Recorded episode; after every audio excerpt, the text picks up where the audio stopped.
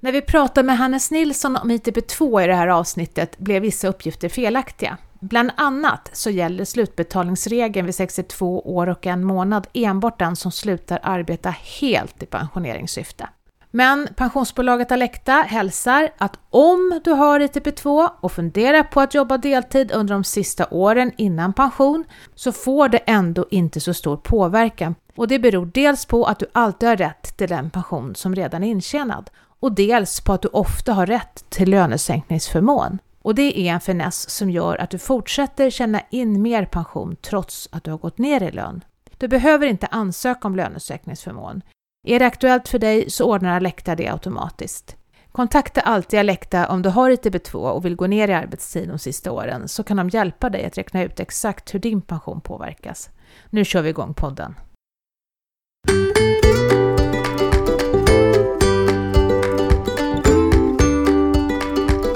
Idag ska vi ta upp ett ämne som vi då och då har berört men egentligen aldrig har tagit tag i ordentligt. Och det är hur pensionen påverkas om du jobbar deltid på äldre dagar. Det är inte alldeles enkelt att reda ut och kanske är det därför som vi har duckat för den här frågan i podden. Många av de som nu närmar sig pension har förmånsbestämda pensioner och där finns det olika regelverk som gör att det blir lite extra komplicerat. Men en som verkligen tagit sig tid att reda ut hur pensionen påverkas om du jobbar deltid i slutet av arbetslivet, det är Hannes Nilsson från Pensionsmyndighetens analysavdelning. Välkommen till min pensionspodda! Hej, tack för att jag får komma hit. Jättekul att ha dig här idag. Tack. Och förutom Hannes och jag själv då, Maria Eklund, så är också vår pensionsekonom Kristina Kamp med i studion. Hej Kristina! Är det bra med dig? Yes! Härligt!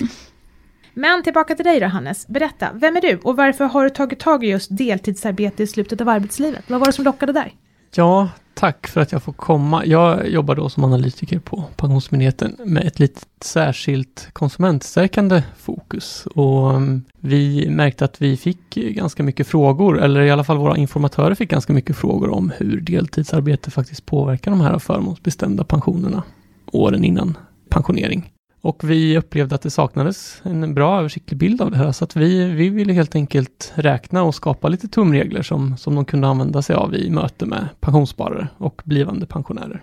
Och även till våra pensionssparare direkt. Och när var den här rapporten klar då? Den eh, publicerade vi i början av 2020, strax innan coronapandemin mm. slog till. Mm, jag upplever lite att den försvann där i coronapandemin. Vi hade inte riktigt span på den förrän nu alldeles nyligen faktiskt. Men ska vi börja med att reda ut vad vi menar med deltid på äldre dag? Vad är det du har tittat på? Ja, precis. Um, kort sagt så kan man väl säga att de här förmånsbestämda tjänstepensionerna har en pensionsålder som är 65 år. Och de är ju lite särskilda på det sättet att det är arbetsgivaren som på förhand garanterar vilken ersättning du ska få i tjänstepension. Och det skiljer sig lite då från de här nyare avtalen om premiebestämda pensionerna, som egentligen är att du får insatta premier av din arbetsgivare och där du har tjänat in får du också ta ut. De här förmånsbestämda tjänstepensionerna baseras istället på en genomsnittlig lön, ofta de senaste åren innan pensionering, alltså vid 65 års ålder. Så eh, det gör det lite mer komplext att räkna på. Och vi upplevde då att vi, vi ville skapa en lite bättre stöd för pensionärerna här och pensionsspararna. Ja, för det är ju ganska lätt att tänka sådär att liksom ungefär, jag ska gå ner i arbetstid de sista åren, att det ska inte ha någon större betydelse för pensionen, för man tänker, jag har liksom tjänat in så mycket tidigare. Det är liksom en bild, va? Att något slags linjärt tänk. Men sen har man ju också hört då, eller man hör, om man kan någonting om förmånsbestämda pensioner så finns det där, åh oh, gud nej, gå inte ner i deltid de sista åren, för det är liksom, då bränner du hela pensionen, mm. då blir du liksom typ fattigpensionär. Mm. Och, och, nu har du verkligen tittat på det. Vad, vad har förvånat dig mest när du har tittat på siffrorna? Men som du säger, det var ju verkligen en myt som vi har hört och som florerar där ute bland pensionssparare. Så det var ju också en anledning till att vi faktiskt vill utreda det här lite mer ordentligt. Kort sagt så kan man väl säga så att eh, våra beräkningar visar att det faktiskt kanske inte har så himla mycket större effekt att jobba deltid i de förmånsbestämda systemen jämfört med de nyare premiebestämda avtalen. Så um, det är väl de generella slutsatserna vi drar av, av det här rapportarbetet. Men du, jag antar att det är lite skillnad mellan kollektivavtalen. Ja. Ska vi ta ett i taget? Ska vi börja med SAF-LO? Det kan vi väl göra. Ja. Det är lite snårigt, så det är ja. väl lika bra att hålla dem isär. Vi valde att inte ta med SAF-LO i våra beräkningar, Nej. för att det kollektivavtalet, det förmånsbestämda kollektivavtalet för privatanställda arbetare ersattes 1995 av det här premiebestämda systemet. Och det innebär att man helt enkelt, du måste vara född innan 1931 för Ah. att få full förmånsbestämd tjänstepension. Okej. Är du född efter 31 och upp till 1967 så får du eh, förmånsbestämd tjänstepension enligt vissa särskilda regler. Och eh, de som faktiskt ska ta ut sin pension de kommande åren, eh, de, de består framförallt av premiebestämd. Okej. Det går inte att Så att jämföra de med andra, helt enkelt. berörs liksom inte? Nej. Okej. Nej, Nej. så att de är, de är lite mer komplexa. Men då kan vi börja med det avtal som du tillhör då, då, ni som jobbar på Pensionsmyndigheten. Och det är ju det här statliga avtalet och är man lite äldre så tillhör man väl PA16 avdelning 2. Ja, exakt. Hur står deltiden där? Ja, det är ju helt enkelt de som är födda innan 1988 som tillhör det här förmånsbestämda eh, avtalet. Och det innebär helt enkelt att du får en förmånsbestämd tjänstepension som en andel av din lön beroende på när du är född kan man väl säga helt enkelt. Du kommer att få, om du är född mellan 1943 och 1972 så kommer du få förmånsbestämd tjänstepension på alla dina inkomster. Men när du är född mellan 72 och 87 då kommer du få förmånsbestämd tjänstepension enbart på inkomster över taket. Just det, och det är lite avtrappande skala där hur mycket man ja, får va? exakt, Mm. exakt. Så det finns liksom inget Alexanderhugg att före och efter något är särskilt år, utan det är lite långsamt. Ja, precis. Så ju, ju tidigare du är född, desto mer får du kan man väl säga. Mm. Och är du född då däremellan eh, 73 och 87, då, då kommer du inte få någon förmånsbestämd alls på inkomster under taket. Så att för dem skulle det faktiskt kanske kunna vara mer förmånligt att tillhöra PA16 avdelning 1 istället, det premiebestämda. Får man det? Man kan inte byta va? Om arbetsgivaren erbjuder dig, Aha. så, så kan du faktiskt få byta. Mhm. Ser du, där var ett tips. För jag tänkte, har du några andra tips då? För vi är ju liksom väldigt sådär konsumentvänliga som du Ja, säger. Här. Vi vill precis. veta smarta tips. Vad gör jag? Om jag nu är statligt anställd och så drömmer jag om att jobba deltid de sista åren. Är det något särskilt jag ska tänka på då? Ja, det här avtalet ser ut så att det, det finns mekanismer i alla avtal och, som liksom skyddar dig från att din tjänstepension ska urgröpas helt. Mm. Och på det sättet det görs i det här avtalet är att din förmånsbestämda del, den, den baseras på de fem sista åren innan pension, alltså 65 års ålder som det är skrivet i avtalet. Hur ska jag tänka om jag till exempel ska, jag- ska jag, är det smartare att bara vara deltid och deltid något litet år eller liksom eh, dos and don'ts här? Ja, men det man kan säga som, som är skrivet i, i alla avtal egentligen på något sätt, det är att du ska ha rätt till all den tjänstepension som du faktiskt har tjänat in. Mm. Och det där leder ju till att du, du kommer få en påverkan av deltidsarbete, men den begränsas av att du faktiskt har redan har ett, haft ett intjänande under ett x antal år. Så har du till exempel haft ett intjänande i 25 år, så betyder ju inte det att om du går ner och arbetar deltid i, i de fem sista åren så kommer inte allt det försvinna, utan du har fortfarande rätt som minst till det du har tjänat in. Mm. Men det kommer, kommer att få negativa effekter. Det vi har räknat på, det, det är för en individ som var född 1960 som har fem år kvar till pensionen. Och för någon som tillhör det statliga avtalet så minskade tjänstepensionen totalt sett ungefär med 2 procentenheter Oj. per år Mm. som man eh, Aha, arbetar. så åtta år om man det går fyra år tidigare då? Åtta procent om man går fyra år Ja, tidigare? precis. Om man jobbar halvtid. Ja. Mm, och sen så har vi lite andra räkneexempel i, i rapporten också på, på mindre deltidsarbete, till exempel 70% av heltid eller 80 eller 90. Men hur, vad tycker du om det? Är det bra eller dåligt? Är det liksom, klarar man sig ganska bra? Det där får man väl avgöra Ja, själv ja. såklart. Men, eh, men eh, det skiljer sig i alla fall inte nämnvärt från de premiebestämda systemen. Givet att du har ett fullt intjänande på 30 år Mm. och att du har inkomster under taket då på 7,5 7,5 inkomstbasbelopp. Men om vi skulle ta ett exempel och låt säga då att du skulle få typ liksom 30 000 i pension om du hade jobbat heltid fullt ut. Vad får jag då om jag jobbar deltid de fyra sista åren? 30 Statligt 000 pension, eh, total pension. Ja, även inklusive den allmänna pensionen. Så att säga, hur, hur ont gör det? Oj, det har vi inte räknat på i rapporten. Vi presenterar egentligen tjänstepensionerna för Ja, men hur sig. mycket, okej, men hur mycket påverkas tjänstepensionen då? Låt säga att jag skulle få, av de där 30 så säger vi att 8 är tjänstepension. Då är det 8 procent av de där, åt, alltså 8 000 kronorna, så Ja. ska jag räkna av 8, 000, 8 procent av Strax det. under 800 kronor ungefär. Ja, okej, Mm. ja, det kan man kanske För leva det är halvtid då? Ja, För för är att jag det så att jag och jobbar 75 procent så blev det Ja, mindre? då blir det mindre. Ja. Ja, Kanske Och- 4 procent. ja, men då har jag dessutom förlorat lite på den allmänna pensionen eftersom jag har jobbat mindre också. Precis, och det ska man ju alltid tänka på. Mm. Just det. Ehm, och i rapporten så presenterar vi effekten på total pension, så att de premiebestämda delarna här påverkas ju också lite grann. Ja, just det. Så att det är inte bara 800 spänn, utan vi kanske pratar om 15-1600. Om, det liksom. Om vi inkluderar allmänna Ja. pensioner också. Mm. Ja. Precis, Och det är väl så man tänker hela plånboken. det ja, borde man på göra. ungefär. Ja. Mm, Yes. precis. Men vi går vidare. Då har vi ju de här om man jobbar inom kommun och region som det heter. Fast det heter KAP-KL fortfarande. Ja, exakt. Eh, hur påverkas man där? Ja, här kan man väl säga generellt att man påverkas lite mindre. Mm. Och det det har att göra med att beräkningsreglerna då för den här så kallade pensionsgrundande lönen ser lite annorlunda ut. Istället för de fem sista åren eh, strikt innan 65 års ålder som det var i det statliga avtalet så är det de fem sista åren, eh, de sju kalenderår, året innan pension. Det är det här som då kallas för 5-7-9-regeln Ah, ibland. det. Ja. Mm. Eh, och det är ju lite snårigt. Så det, det betyder helt enkelt att eh, om du har fem inkomstår så kommer det beräknas på ett snitt av de fem bästa av de sju sista. Eh, de nio, nio åren innan 65 års ålder. Så att du kan i princip jobba deltid i tre år innan 65 års ålder utan att det påverkar. Utan att det spelar någon roll. Det är väl någon okej, roll jag alls. förstår. Just det, det stod i, det är, ju, det är ju ett väldigt konkret och bra tips. Ja. Jobba deltid men bara tre år. Så. Precis. Ja. Men den allmänna pensionen, Och den allmänna Ja, pensionen den såklart. påverkas. Glöm inte den. Nej. Nej. Nej. Den kommer alltid påverkas. Men där kommer man ändå rätt mycket lindrigare undan undan, än om man jobbar statligt. Och det kan ju vara värt det. Man Ja. liksom det vara värt det. Ja. Och, och Det man framförallt ska säga också inom KAP-KL det är att du inte får någon förmånsbestämd tjänstepension alls på inkomster under taket.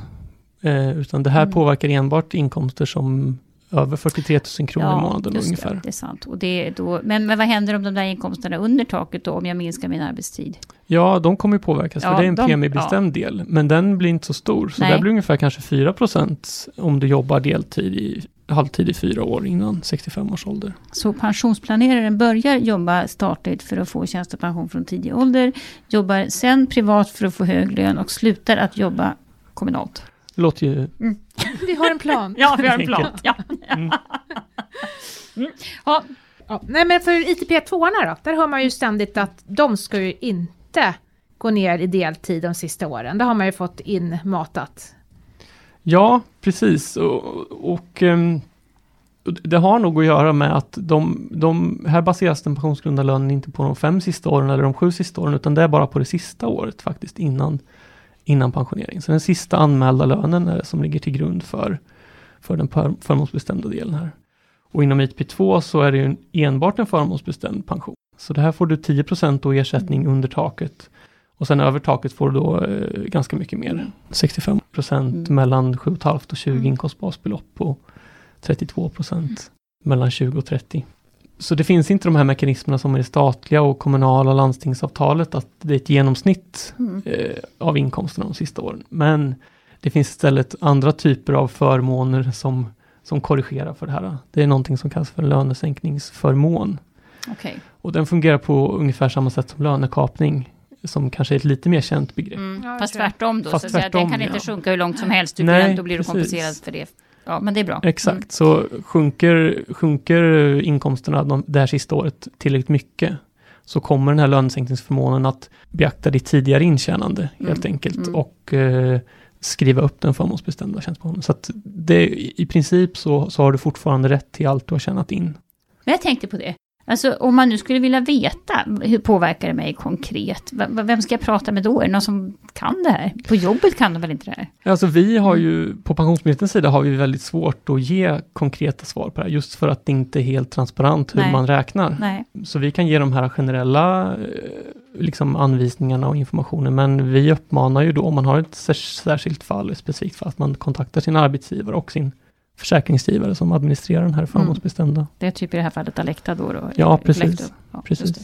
Men du, i det här ITP-avtalet och motsvarande då, FTP och BTP, så, det brukar ju finnas det här magiska 62 år och en månad. Det vill säga, jobbar man till dit så är premien fullbetald, så Ja. som att man hade jobbat till 65. Precis. Då tänker man ju att jaha, men om jag, börjar, om jag blir 62 år och en månad och sen kan jag jobba i princip 25 procent och jag kommer ändå få liksom full pension. Är det Mm. så?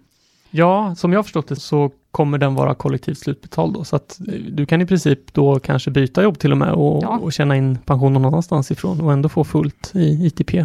Det är då man går över till kommunalt. Eller? Just det. Ja. Exakt, och går ner på deltid. ja, så att det, där man är kan man... Ja, ja, just det. Men, ja, ja, precis. Det också. Men, men där är det alltså så att där kan man med lätthet, bara du har kommit över det där 62 år en månad, så kan du jobba deltid och behöver inte vara orolig för att det sänker din pension. Ja, och det finns ju även andra typer av eh, delar av avtal som reglerar det där, flexpension och delpension. Ja, men, just, jo, men det är ju liksom en särskild historia och det, ja. det tänkte jag på att det är ju liksom det är ju en annan typ av livrem, det vill säga att om du nu, det här, nu har vi bara pratat om avtalen renodlat rakt upp och ner. Mm. Och vi har ju pratat ganska mycket här på min pension och i våra poddar den senaste tiden om det här ordet jobb och när. Mm. För vi ser det i våra undersökningar att det folk verkligen vill det, att man vill inte sluta jobba från en dag till en annan, utan man vill ju trappa ner och därför Mm. är den här, den här frågan väldigt intressant. Hur påverkas min pension? Och det är klart, om man har en flexpension så är det ofta så att pensionen då inte ska påverkas. Och även om man får andra typer av liksom, avtalslösningar så brukar det också heta att pensionen inte ska påverkas. Och jag vet inte, i alla fall i offentlig sektor tror jag det har man sådana här 80, 90, 100 lösningar. Det vill säga att man kan jobba 80 procent och så får man 90 procent av lönen. Och så får man 100 procent av pensionen. Precis. Och det är klart, önskedrömmen måste ju då vara, för den som funderar på att gå ner i arbetstid, det måste liksom i första hand se till att man har ett sånt avtal på jobbet. Mm. Precis. Men, men om man inte har det, då är det då är det, det här Mm. man måste tänka med. Och då blir det att grotta ner sig lite grann. Ja, exakt. Vi var inne på flexpension, den finns ju numera i många avtal. Hur påverkas pensionen om du tar ut flexpensionsavtal på jobbet? Ja, men flexpension eller så kallad deltidspensionspremie som det, det kallas. Det innebär ju helt enkelt att din arbetsgivare eh, anmäler två löner då. Eh, det är en lön då, din deltidsarbeteslön som du får ut som inkomst, men också då en lön som anmäls som är din inkomst innan deltidsarbete som ligger till grund för den förmånsbestämda tjänstepensionen i det här fallet. Så i, i de fallen där du omfattas av flexpension från din arbetsgivare så kommer ju faktiskt inte den förmånsbestämda pensionen påverkas alls. Utan då är det ett väldigt bra skydd. Eh, vi försökte reda ut lite hur vanligt det här är. Eh, och det som är lite svårt det är att det här är inget som liksom finns med i ITP2-avtalet som sådant, för det är ju centralt förhandlat. Och mm de här flexpensionerna är fackförbundsförhandlade, så att det beror lite på vilket fackförbund du tillhör helt enkelt. Så det där får man ju titta upp. Ja, Collectum har någon slags lista på det och säger att det är många, 700 000 eller vad det var. Och det här blir ju vanligare och vanligare, så kan man väl Mm. säga, för det här sprider sig. Det är ju, man har ju bara så varit beredd att strejka för den här förmånen, Mm. så den är ju uppenbarligen väldigt populär. Verkligen. Ja, och Mm. ehm, det man kan säga också är att det är egentligen alltid i slutändan arbetsgivaren som, som bestämmer om de ska bevilja flexpension eller inte. Anser arbetsgivaren till exempel att det medför liksom allvarliga störningar eller sånt här i, i, i arbetet så, så kan de faktiskt neka flexpension också. Så det är väldigt viktigt att ehm, prata med sin arbetsgivare och komma överens tidigt. Men skyddet är ganska starkt, det ska mycket till för att det Mm. faktiskt ska mycket bättre än tidigare. Jag Du- tror också det. Jag tänkte fråga en annan sak. För att nu har vi ändå pratat om, i den här undersökningen av naturliga skäl så har ni ändå tittat på att man har tillhört samma avtalsområde hela tiden. Liksom 30 år och 15, ja 30 år. Men det, så ser ju inte verkligheten ut. Nej. Vi har ju tittat på min pension och då har vi sett att i snitt så har man mellan 7 och 8 olika pensioner. Mm. Vilket ju indikerar att man har bytt jobb och kanske avtalsområde. Hur blir det då med de här fallen? Ja. Ja, där får jag då lämna ett lite tråkigare svar. Det Ingen beror, aning. det beror på. Ja, ja, ja. Eh, och det här kan ju vi tyvärr inte riktigt räkna på och ge bra svar på. Vi kan ge de här generella råden, men det beror som sagt var väldigt mycket på hur, hur mycket intjänat du har i de olika typerna av avtal, vart du gör din sista anställning som blir den sista pensionsmedförande lönen. Så det är väldigt mycket olika omständigheter och det är väldigt svårt att svara på specifika frågor kring det här. Så här måste man också ta kontakt med sina arbetsgivare och olika försäkringsgivare som administrerar de här gamla fribreven. Det är lite pussel alltså. Det är när man mycket går pussel. Ja. Men vad händer om jag går ner på deltid de sista åren då, blir sjuk eller arbetslös till och med? Ja, när man blir sjuk så täcker försäkringarna där. De fortsätter betala in premier. Så där behöver man inte känna någon särskild oro för just de förmånsbestämda. Men blir man arbetslös, då har du helt enkelt ingen arbetsgivare längre. Så att då kommer det inte heller ske några ytterligare avsättningar till premiepensionen. Eller de, de premiebestämda pensionerna eller de förmånsbestämda tjänstepensionerna. Och då kan det ju faktiskt göra ont. Och då kan det ju bli kännbart. Ja, ja. Men, ja. Men blir man arbetslös och till exempel tar ut a-kassa så får man i alla fall fortsatta avsättningar till den allmänna pensionen då. Jo. Så det är ju det är någonting. Men Ja. just tjänstepensionerna blir sårbara då. Ja, men det här brukar vi prata om, när vi har pratat flexpension så brukar vi säga samma sak. Att även där, det är klart att det är kul att gå ner i arbetstid. Men som till exempel nu i coronan som liksom ändå har, många arbetstillfällen har försvunnit. Då sitter man ju lite pyrt till förstås. Mm. Det gör man. Men det känns ju lite grann som att vi ändå landar i det som vi sa inledningsvis, att det här är lite komplext. Så att det bästa man kan göra är att ändå prata med sin arbetsgivare. Ja, tyvärr. Ja. Kanske man ska säga. Ja. Man vill gärna ge så bra svar som möjligt, men det, det är svårt att ge generella råd. Men ändå att man kanske ska våga tänka tanken. Och inte bara släppa den direkt och tänka att det är för dyrt, jag har aldrig råd. Utan, utan mm, fråga. Mm. Det kan vara billigare än vad du tror. Det är väl lite den din slutsats. Ja, precis. Eller det, det behöver i alla fall inte vara mycket större liksom, effekt på uh, tjänstepensionen än vad de premiebestämda har. Nej, och jag tänkte på det, att låt säga då att man skulle förlora 1600 spänn i månaden på Mm. det här. Om man då jobbar ett år till så kan man ju hämta hem ganska mycket av det där. Ja, och det kanske precis. man orkar om man jobbar deltid. Kanske.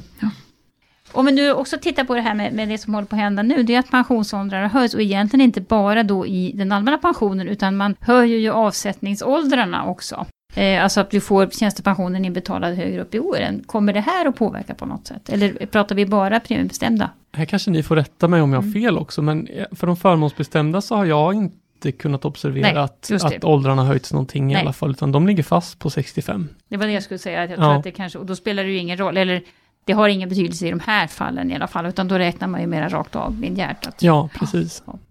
Och där har vi ju sagt tidigare att när det är en premiebestämd tjänstepension, så är det ju, där, där har du inte samma tyngd i slutet av arbetslivet, utan där kanske det till och med är viktigare att få ihop mycket pengar tidigt i arbetslivet. Början, ja. Mm. Ja.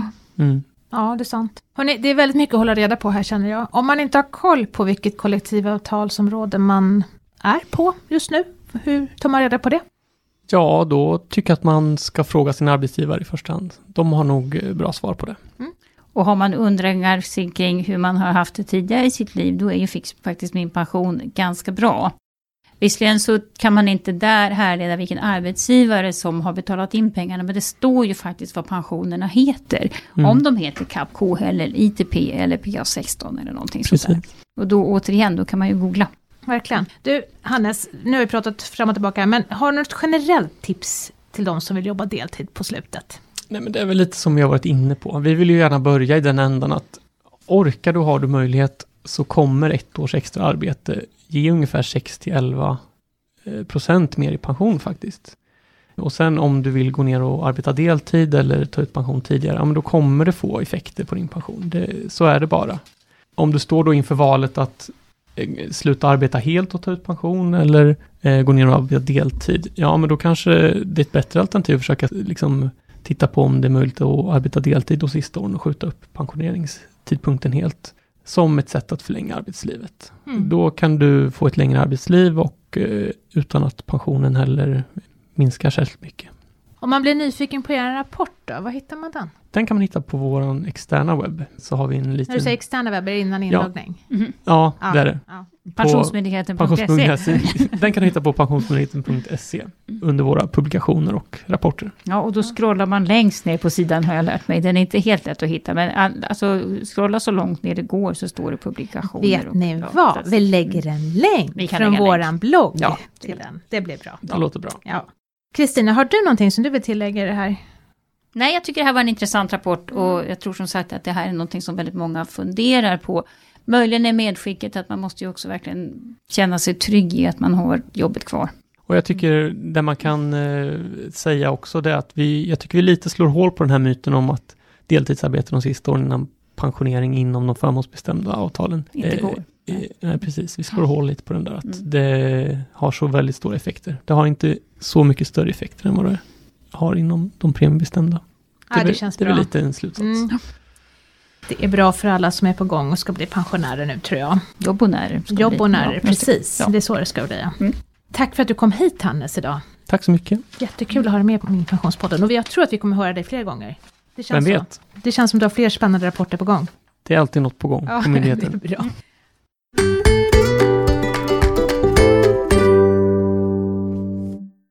Då har det blivit dags för dagens fråga. Och den kommer ifrån en 32-årig lyssnare, alltså ganska ung. Han jobbar inom avtalspension SAF LO och han undrar hur han ska spara till sin pension. Han vill gärna låsa in pengarna så att inte han kommer åt dem. Eh, och skriver att han helst skulle vilja avstå lön för att istället sätta av pengarna till sin tjänstepension. Men, men det går ju inte kanske. Ja, en typ av löneväxling alltså. Men ja, då ska han tjäna över 45 000 kronor per månad. Är det inte så Kristina? Jo, annars så minskar ju inbetalningarna till den allmänna pensionen. Så det, och nu förr i världen så fanns ju det här avdragsgilla sparandet även för den som var anställd. Och då kunde man ju så att säga eh, sätta av en del, få en skatterabatt. Sen fick man skatta för pengarna när man tog ut dem. Men mm. ibland hade man då förhoppningsvis lägre skatt det som finns nu, om, om, om verkligen det viktiga för honom är att låsa in pengarna, och det känns ju som att det är det, annars om man bara vill spara så finns det ju ISK, och man kan spara ja, nästan hur som helst. Men vill man låsa in pengarna så finns det ju egentligen bara någon typ av kapitalförsäkring kvar. Som är precis vad du säger, försäkring av kapital. Och då binder man upp de här pengarna på olika tidsperioder. Och oftast är det väl så att ju längre man binder upp dem desto mer utväxling på dem. Och sen kan man få utbetalningen månadsvis och det finns olika sätt att göra det här på. Nackdelen med kapitalförsäkringar är att de oftast alltså kostar en del. Och det gäller verkligen att ta reda på vad finns det för avgifter på att ha det här. Sen är det väl också en nackdel kan jag tycka, han är ju så ung, han ska bilda familj och alltihop det där. Lås inte in för mycket pengar skulle jag vilja säga. För ett och tre så händer det någonting och då är det ju dumt att ha pengar inlåsta. Det känns dock som det är det han vill. Ja, jag vet det. är han väl vill, precis det han vill gömma för sig själv. ja, han vill gömma. Men om man skulle vara tvungen att komma åt dem så finns det också, alltså ska man så att säga lösa upp en kapitalförsäkring kostar det också pengar. Det finns väldigt bra information om den här typen av kapitalförsäkringar på konsumenternas.se, alltså konsumenternas försäkringsbyrå. Där kan man både titta på avgifter, man kan titta på hur det fungerar och, och ja, alla dos and don'ts. Så att eh, gå in där och se mm. vad man kan göra. Jag får flika in där också, då, ja. då kan jag fortsätta lobba för Pensionsmyndighetens produkter. Mm. Så har vi en liten konsumentvägledning för eget sparande till pension, som man kan läsa om man vill. Finns också på vår webb. Ja, då har vi två, två länkar. Två länkar. Ja. Tar ni upp kapitalförsäkring där också? Ja, det gör vi. Ja. Bra, då fick vi ett tips till faktiskt idag. Ja, du var klar där Kristina. Ja. Det, det, var sluttipset. Ja, det var det, det, det, det, det som det står som till buds. Han ja. om man inte vill gömma pengarna, för han kan ju ha alltså man kan ju alltid sätta in det på ett konto och glömma att man har pengar. ja, det, det finns ju liksom tricks. Ett, ett ganska bra tips faktiskt. Det är ju, Madrassen. Nej, men, men om man nu har lån ja. och sen så väljer man rörlig ränta istället för bunden ränta och så sätter man av mellanskillnaden på ett konto och så försöker man liksom också glömma de pengarna. För oftast är det ju så att en bunden ränta får man betala mer än den rörliga räntan. Mm. Och ett och tre så kan det faktiskt ha blivit en del pengar utan att man liksom tänkte på det. Mm eh, det där att lura sig själv, jag vet inte hur pass bra han är på att lura sig själv, så han kanske verkligen måste ha hänglås mm. på sitt sparande och då, mm. då finns det bara kapitalförsäkring. Det är bra med kapitalförsäkring också, för där kan man ha en förmånstagare. Ja det kan man och man kan välja vem som helst. Eh, och nu pratar vi dödsfall och såna grejer, det är kanske är lite långt bort i hans värld men ändå. Ja men man vet. Ja. ja. Det kan ju vara skönt ändå. Om man nu mm. vill ge till djurens vänner eller någonting sånt där så mm. har man den möjligheten. Ja. ja. Det kostar inget att ha förmånstagare va? Nej. Så, nej. det är bra. Så det kan man ju ha. Ja. Mm. Ja, det var allt för oss idag. Tack för att du har lyssnat. I avsnittet deltog Hannes Nilsson från Pensionsmyndigheten, Kristina Kamp och jag, Maria Eklund från Min Pension. Min Pensionspodden produceras av Min Pension som är en oberoende tjänst i samarbete mellan staten och pensionsbolagen. Ja, alltså Pensionsmyndigheten då, i ju staten. Fler avsnitt hittar du där poddar finns. Nya avsnitt släpper vi varannan fredag. Om du följer Min Pensionspodden, till exempel i iTunes eller Spotify, så får du en push varje gång vi släpper nytt. Det är bra. Vi tar gärna emot frågor och förslag på ämnen till kommande avsnitt via mejladress poddatminpension.se. Och vi hoppas såklart att vi hörs snart igen. Ta hand om dig och din pension till dess. Ha det bra, hej hej! Hejdå!